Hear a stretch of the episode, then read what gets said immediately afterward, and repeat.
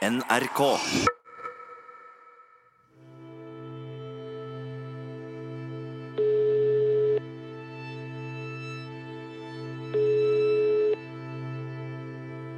Det er desember 2018. Per, Veronica, Kristin og Lars har for lengst sona fengselsstraffene sine og lever i frihet.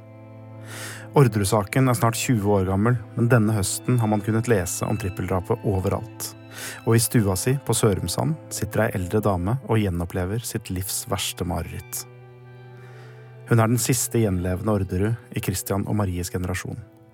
Hun hadde ikke tenkt å si noe, men nå må hun likevel. Ja, hallo? Ja, hallo, dette er Joakim Førsund som ringer. Jaha. Hei, hei. Hei. Ha, har du tid til å snakke med meg?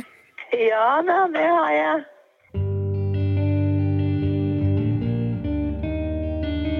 Jeg har vel aldri sett et menneske som har elska et annet menneske så høyt.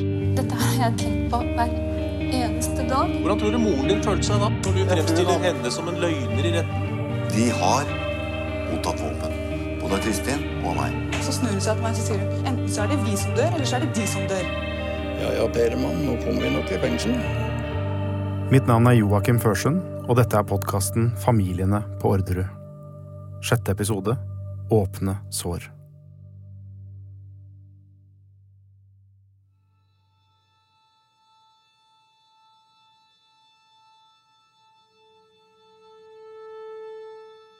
Det fins nok de slektstrærne som er flottere enn Orderud-treet. Ikke er det stort, og ikke er det robust. Noen greiner er som vi veit rive av, andre har slutta helt å vokse.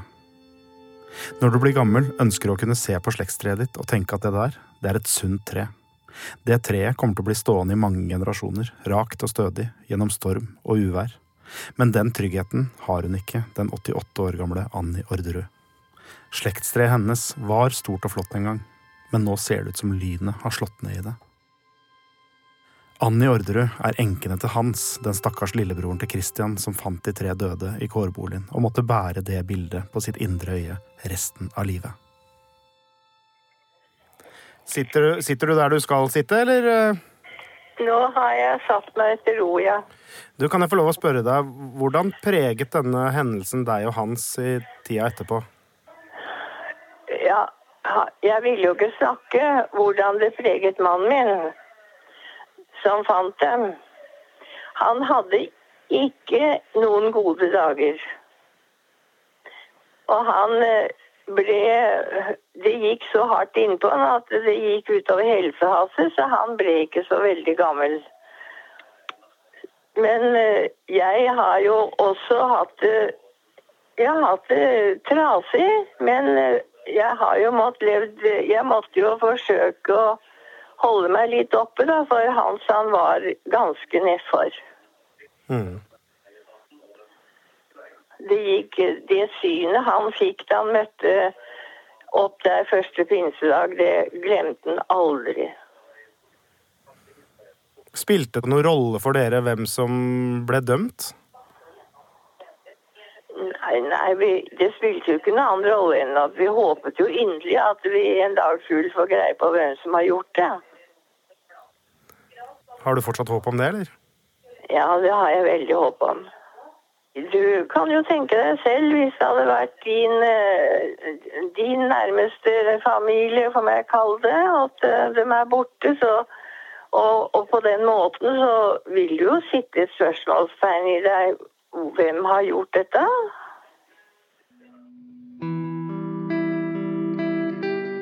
Annie Orderud har aldri snakka med journalister før, for de orda som beskriver det hun opplevde, de fins ikke. Annie Orderud har vært taus i 20 år. Men så var det noe som ble sagt her i denne podkasten, i denne historien om familiene på Orderud, og det som ble sagt, ga Annie ufred. For i den andre episoden av denne podkasten ble det sagt at arveoppgjøret umulig kan ha vært motivet for drapene i kårboligen. For Christian Orderud var dødssjuk og var på det siste. Jeg skal spille et lite strekk fra samtalen jeg hadde med Per Ordrus-Fetter, Jostein, som støtta Per i alle år. Christians helse var veldig dårlig. Han hadde kreft. Livet hans var på hell og var, var, var ikke. Var ikke. Han hadde ikke lenge igjen og var alvorlig sjuk. Så den saken den hadde løst seg tvert, og det er ikke noe fornuftig motiv, det der. Det blir, nei, det blir, det blir en voldsom teori. Flere av støttespillerne til Per og Veronica sier at Christian Orderud var dødssjuk, at han var på det siste. Kan du si noe om helsa til Christian Orderud? Han var kjempesprek. Han var kjempesprek? Ja. Det var Han, han hadde jo utlagt tarm, da, for han hadde jo en betennelse i tarmen, sånn, i endetarmen, som fant ut at det var like godt å fjerne. Og da ble alt riktig bra, og vi var inne på sykehuset hos ham hver dag. Og han, han var veldig kjekk. Så det var ikke sånn at det gikk mot slutten for Christian Ordre, altså? Å nei, han var sprekere enn meg, han. Men det er jo blitt, det er jo blitt sagt at han var kreftsjuk, og at, uh, og at han var på det siste? Ja, og det, er, det har jeg hørt. Og det er bare tull. Det har ingenting med virkeligheten å gjøre. Christian hadde ikke noe kreft. 8. mai i 96 så kjørte vi jo han hjem fra sykehuset. og han var, hun, Søsteren hun ønsket oss vel hjem og sa at du er heldig, Christian. Du er så frisk som en fisk. Christian Orderud hadde aldri kreft, sier svigerinna hans. Han var frisk som en fisk.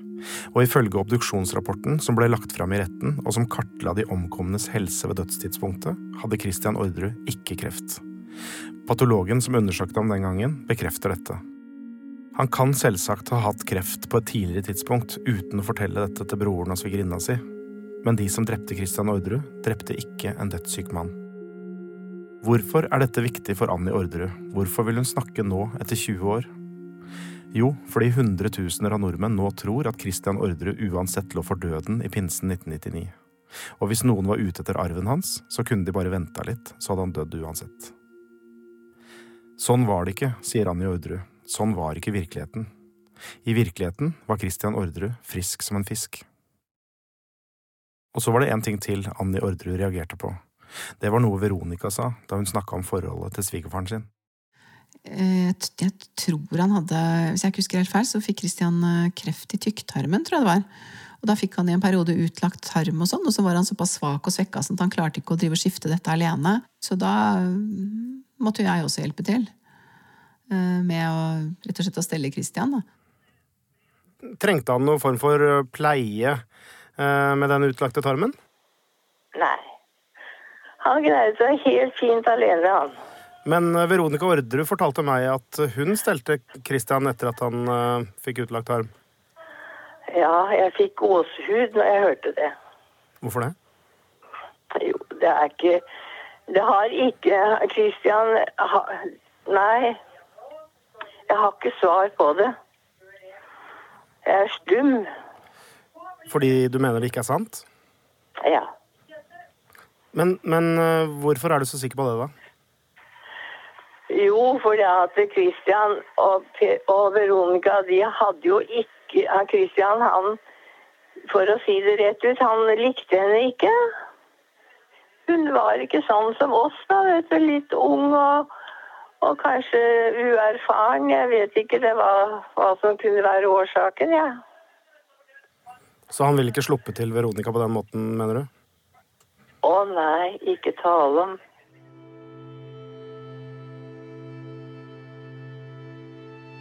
Tror du vi får noe svar, da? Nei, det er det jeg ikke vet. Hvordan er det å ikke vite det, da? Det er veldig vondt. Så du har det ikke så bra akkurat nå, du da? Nei, jeg har ikke det. Jeg tenker veldig mye på dette her og håper så inderlig at eh, jeg skal få et ordentlig svar.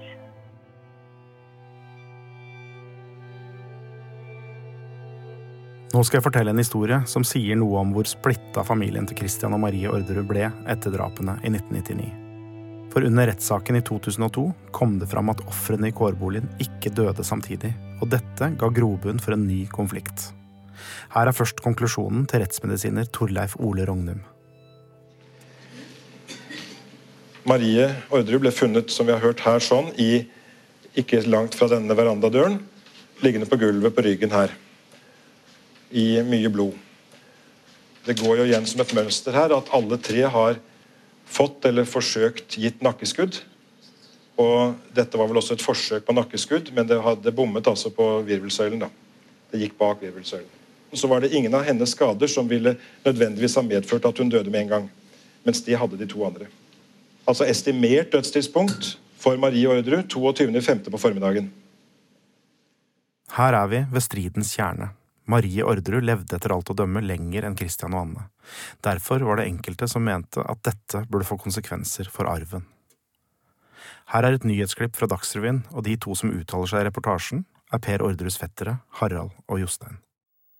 Hvem levde lengst av Marie og Christian Magnus Orderud etter at gjerningspersonene hadde løst sine drepende skudd? Så enkelt og så brutalt er spørsmålet som ble reist i Oslo skifterett når Orderud-slekta i dag braka sammen i kampen om arven etter trippeldrapet. Søskenbarn står mot søskenbarn når arvingene etter Maria Orderud krever hele arven, fordi de mener hun levde lengst. Motparten opplever kravet som uverdig. Jeg syns det er eh, uetisk at man skal sitte i en rettssal og diskutere hvem som døde først og sist, når eh, det er en sånn en planlagt handling som det vi har vært vitne til. Det er i hovedsak drapsdømte Per Orderud sine støttespillere som står bak krav om enearv etter Marie Orderud. De har håp om at Per Orderud en gang skal bli frikjent og få sin del av arven samt gården. Ja, vi ønsker å få å finne den rette morderen, vi. Få løst saken i sin helhet. Det er det vi ønsker. Ikke noe annet. Er dette et ledd i den kampen? Ja. ja. Det er helt klart. Pers fetter Harald mente at arven burde deles mellom alle Christian og Maries arvinger. Fetteren Jostein mente at Marie Orderud arva gården mens hun lå der og blødde i hjel på kjøkkengulvet, og han mente derfor at det kun var Maries etterkommere som burde arve Orderud gård. Dommeren i saken avviste dette. Dette var i 2003, og det sier seg sjøl at denne rettssaken ikke hjalp for samholdet i familien. Men en gang var Orderud-familien sammensveisa. De møttes i hopetall til barnedåper og konfirmasjoner, og det var sånn Veronica ble introdusert for storfamilien. Per tok henne med seg på en kostymefest for fettere og kusiner på et småbruk i Fettsund. De spiste helgrilla gris og dansa til langt utpå morgenkvisten. De har ikke sånne fester lenger i Orderud-familien. En av kusinene ble myrda, og en av fetterne ble dømt for å ha planlagt drapet. Den øvrige gjengen ble delt i to. De som trodde Per Ordre var uskyldig, og de som trodde at det var riktig som retten fastslo, at han og Veronica var arkitektene bak drapene. Eh, familien vår er blitt splitta i kjølvannet av denne saken her, og eh, jeg har ikke stått alene. Jeg har hatt med meg eh, flere søskenbarn som har delt min oppfatning på dette her. Dette er Harald Orderud, som i alle år har mistenkt fetteren Per for å skjule sannheten om trippeldrapet. Men fortsatt er familien splitta, så det er to fronter. Så disse hyggelige fetter- og kusinefestene, de finner ikke sted lenger? Det er nok gått over i historien. Syns du det er trist? Jeg syns det er forferdelig trist. Vi har en liten familie. Vi er eh, ikke mange igjen. Nå er det bare moren min og den eldre generasjonen som lever. Alle de andre er døde. Nå er det vi søskenbarna som er den eldste, og vi har jo barn, barnebarn. Og at eh, folk ikke kan snakke med hverandre, knapt nok hilse på hverandre, syns jeg er forferdelig trist. Det, det er, hører ingen steder hjemme. Det, det er ikke sånn det skal være.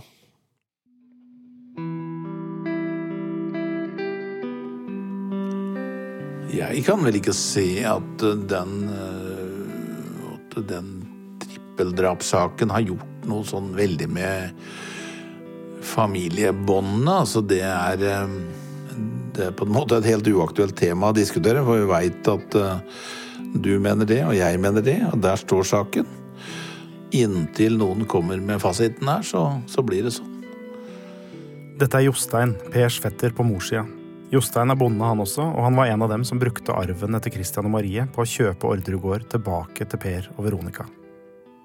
Når snakka du sist med Harald Orderud?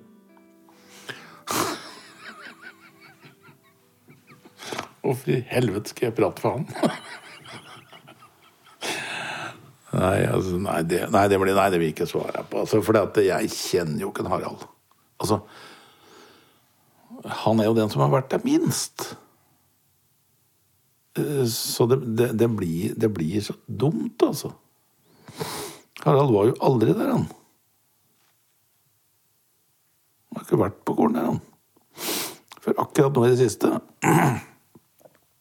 Så, så det, blir, det blir på en måte litt sånn dumt, altså. Nå har du fått et bilde av slektstreet til familien Orderud. Og det står ikke så veldig mye bedre til med det andre treet, Kirkemotreet. Det som har røttene sine på Ekeberg. Lynet har slått ned i det også. Vi skal tilbake til toromsleiligheten sørøst i Oslo. Her sitter Veronica Orderud, født Kirkemo, og håper at livet skal komme i gang igjen. Det håpet hadde hun ikke da den endelige dommen hadde falt. Jeg må si Der og da, når den dommen falt, og liksom de første dagene etter, og sånn, så, var, så var det ikke sånn at jeg var innstilt på at nå skulle jeg kjempe videre, og nå skulle jeg orke disse årene i fengsel. og Det var ikke der jeg var. Jeg var veldig liksom klar for at dette orker ikke jeg. Nå er det nok, liksom. Nå har jeg opplevd nok. Hva mener du nå? Nei, Jeg var veldig klar for at jeg kom til å Eller at jeg skulle ta livet av meg. Uh, uh, ja, det var i hvert fall de første dagene. Og så var jeg veldig klar på at jeg var ikke innstilt på altså, Da visste jeg jo litt om hva fengselet var. Altså, jeg hadde jo sittet i varetekt først, ikke sant, og sittet uh, i fengsel da i den perioden mellom herresretten og lagretten. Så jeg var, visste godt hva det var, og var absolutt ikke innstilt på å fortsette med det. Så uh, jeg var veldig klar på at jeg hadde ikke til intensjon å fortsette å kjempe den kampen. Hvordan hvordan var det å kjempe denne kampen i retten mot uh, søstera si? Nei, jeg, jeg, følte nok på det, faktisk, selv i lagretten, at jeg syns At jeg syns synd på henne. Men jeg hadde det derre vage håpet da, hele tiden om at hun kom til å skjønne at eh, når hun forsto hva som sto på spill, da, at hun kunne forårsake at Per og jeg eh, fikk ødelagt livet, så ville hun liksom eh, si at dette ikke var riktig. Eh, det, jeg tror ikke egentlig at det gikk opp for meg at ikke det kom til å skje før eh, etter at dommen var falt i lagretten for, på Bredtvet. Eh, for da satt jeg Det må ha vært dagen etter at dommen var falt. Da satt jeg i vinduet på Bredtvet og så ut, og da så jeg han Per Haukeland, som Kristin var gift med på det tidspunktet. Da. Han kom på besøk, og han hadde med seg en kjempestor marsipankake fordi de skulle feire at hun bare hadde fått 16 år. Jeg tror egentlig da det, det først, da det gikk opp for meg at hun ikke kom til å endre den historien. Hvordan er uh, hverdagen din og livet ditt uh, nå? Nei, Hverdagen min nå er vel ganske normal, tror jeg. Um, jeg har jobbet litt uh, innimellom. Um, jeg har jo ikke vært så heldig at jeg har fått noe fast jobb ennå, men jeg har hatt litt vikariater og sånn. Selvfølgelig Det aller, aller viktigste for meg det er jo de to små niesene, døtrene til søsteren min den yngste søsteren min. Og så har jeg jo venner som på en måte er blitt mer familie etter hvert. Eh, så jeg tror ikke jeg er så ulik de fleste andre. Går du med en sånn bevissthet om at eh, du har blitt uh, fratatt 14 år av livet ditt? Ja, jeg, har, jeg, har, jo selvfølgelig en bevissthet om at jeg har mistet 14 år av livet. Men på den annen side så Veldig mange sier til meg at 'å, liksom, stakkars deg, og du har ikke fått noe liv', og alt det der. ikke sant? Og du, Um, og det er jeg jo ikke helt enig i, for jeg har jo hatt et liv. Jeg har hatt et veldig annerledes liv. Er du fortsatt gift med Per? Jeg er fortsatt gift med Per. Men dere bor ikke sammen? Nei, Per og jeg vi bor ikke sammen. Kan jeg tillate meg å spørre hva slags relasjon dere har? Nei, vi, altså Per og jeg er jo fortsatt veldig gode venner, og vi står jo øh, sammen i, øh, i dette at vi ønsker at saken skal øh, tas opp igjen. og så egentlig det at ikke vi har liksom sendt inn noe skilsmissepapir hos den ennå, det er vel egentlig bare litt sånn proforma, tror jeg. Vi kunne godt ha gjort det. Um, ja.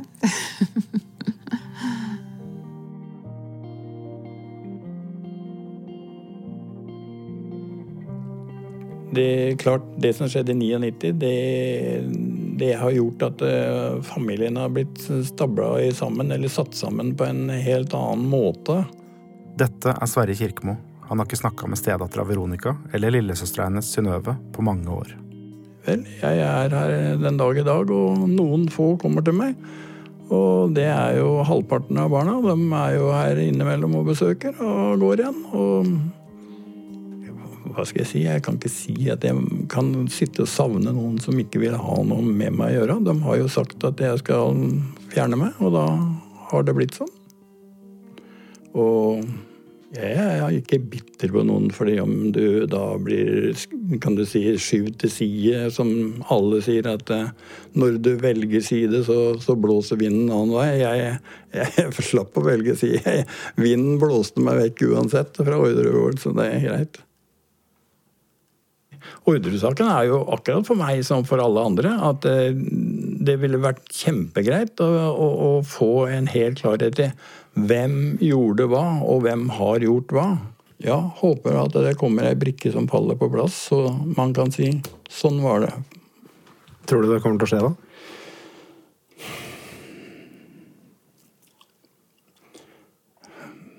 Jeg tror det kommer til å skje. Ja, jeg vet ikke. Jeg, jeg får i hvert fall helt klarhet i at noen jeg vet veldig mye som kan kanskje måtte fortelle ting som ikke har blitt fortalt før. Snakker du om Per Orderud nå? Nei, jeg snakker ikke om Per Orderud. Jeg tror nok det må være Veronica Orderud som må løfte opp og fortelle det som hun egentlig vet. Tror du at uh, vi noen gang får vite hva som skjedde på Ordregård? gård? Jeg tror jo at vi, om vi ikke kanskje nøyakt, får vite nøyaktig hva som skjedde på Udrugard, så tror jeg vi kommer mye, mye nærmere. Det tror jeg. Er det ting du vet som ikke du har sagt? Nei, det er ikke noe jeg vet som jeg ikke har sagt i forhold til saken eller i forhold til drapene eller uh, Det er det absolutt ikke. Du var ikke med og planla noe eller medvirke medvirket til noe? Nei, det var absolutt ingen drapsplanlegging lille julaften i 98.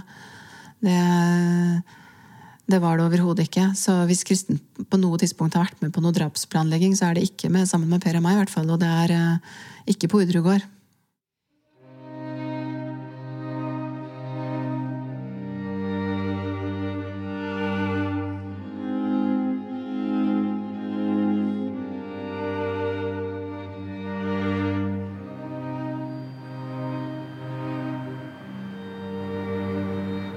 Vi kunne stoppa nå. Vi kunne sagt at dette var det vi hadde å fortelle om familiene på Orderud. Det er en trist historie, dette her. Men det er én person det er tristere for enn alle andre. Han har ikke besvart henvendelsene mine, og jeg har tenkt at han skulle få fred. Men så sendte jeg en siste tekstmelding i forrige uke. Jeg fortalte at det gikk mot slutten, at det bare var én episode igjen. Hvis han ville snakke med meg, så måtte det skje nå. Og da svarte han.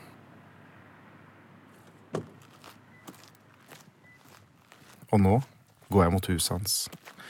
Det ryker fra pipa, og skyene over Orderud gård er mørke og tunge. Hei. Joakim. Hyggelig. Per er blitt 64 år. Han bor aleine på gården. Veronica har flytta tilbake til byen.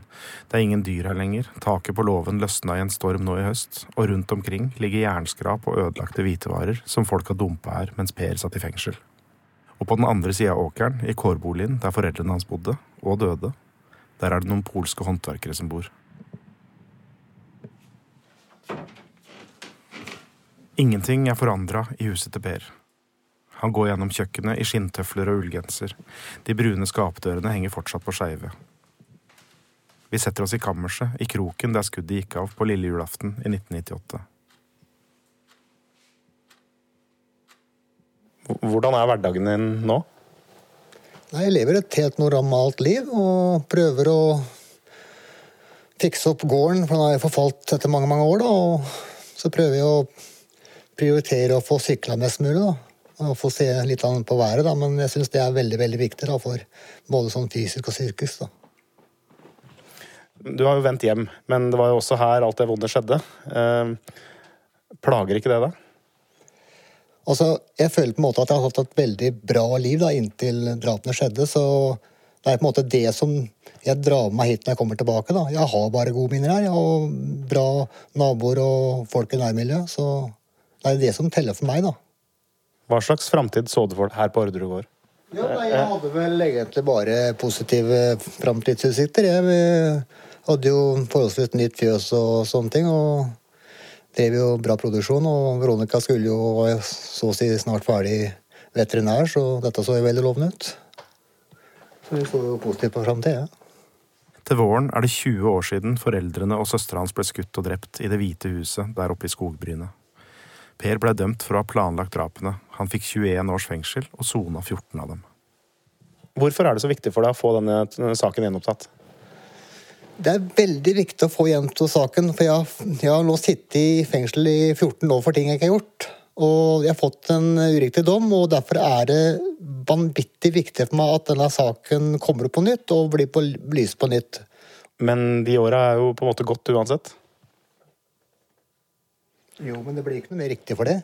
Altså, Du kan ikke akseptere det at du sitter et sted hvor du aldri skulle vært. For meg så er det helt utelukket. Du går ikke videre for det du har sittet, og, sittet i mange år i fengsel. Gjør ikke det.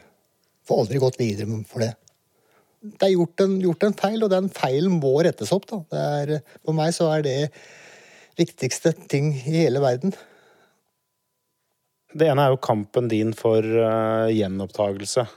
Uh, men det andre er vel også jakten på svar etter hva som faktisk uh, skjedde i korboligen. Det er jo vanvittig viktig for meg å på en måte få svar på det som skjedde der oppe. da. Det er jo det som har vært målet mitt fra dag én. Hvor ofte tenker du på det, da? Jeg tenker på hver dag. Hver dag og hver natt. Dette er på en måte en ting som følger meg døgnet rundt. Per hadde ikke kontakt med foreldrene sine de siste to åra før familien hans ble drept i kårboligen. De lå i en løpende konflikt om arv. Ja, det er jo sånn at uh, når faren min ville gå tilbake på en avtale som jeg mente vi hadde inngått, så er det klart det blir jo vanskelig på en måte å ha et hverdagslig forhold til hverandre.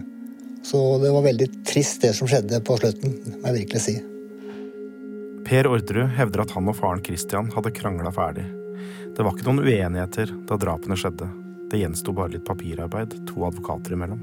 Under forliksforhandlingene så fikk jeg en beskjed fra, fra advokat Nybakk at han hadde inngått et forlik med, med advokat Hagen. Og de hadde da forhandla en, en drøy uke og var enige om at dette her var så å si boks. Ok, Så kan du si at det gjensto det formelle, men sånn advokat eh, Nybakk forsto det, så var dette ei boks.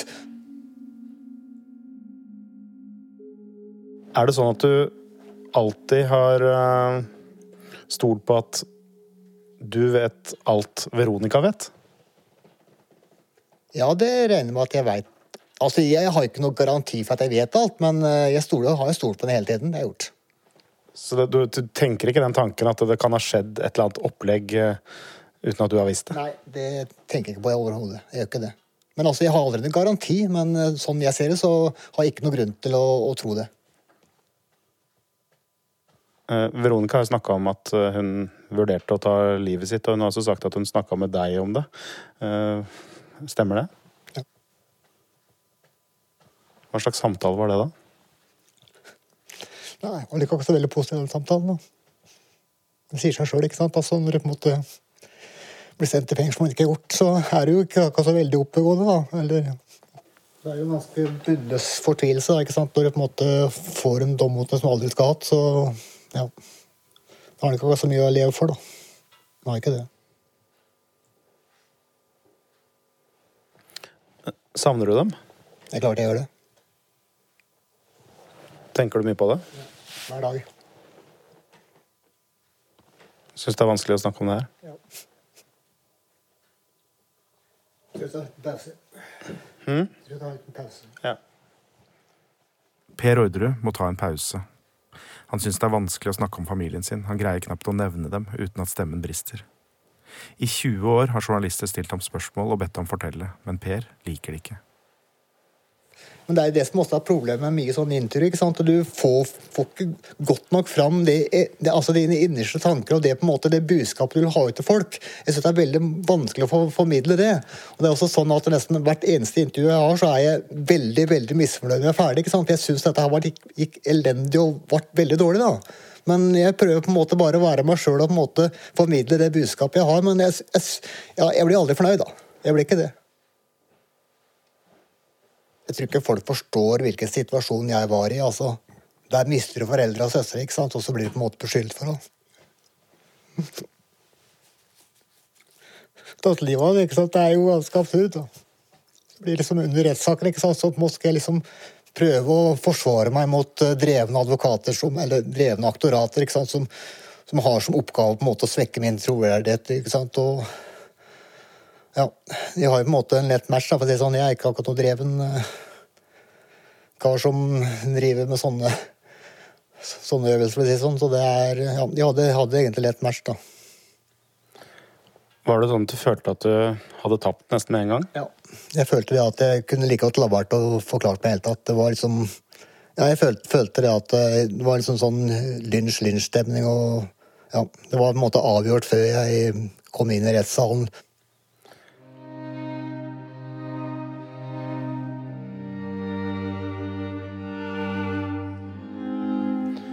Tror du vi noen gang får svar på hva som skjedde på kårboligen i pinsen i 1999? Det er med store håp, og det håper jeg virkelig at det skjer. Men jeg spurte ikke om du håpa, jeg spurte om du trodde. Jeg tror. Jeg er ganske sikker på at det skjer òg. Jeg tror.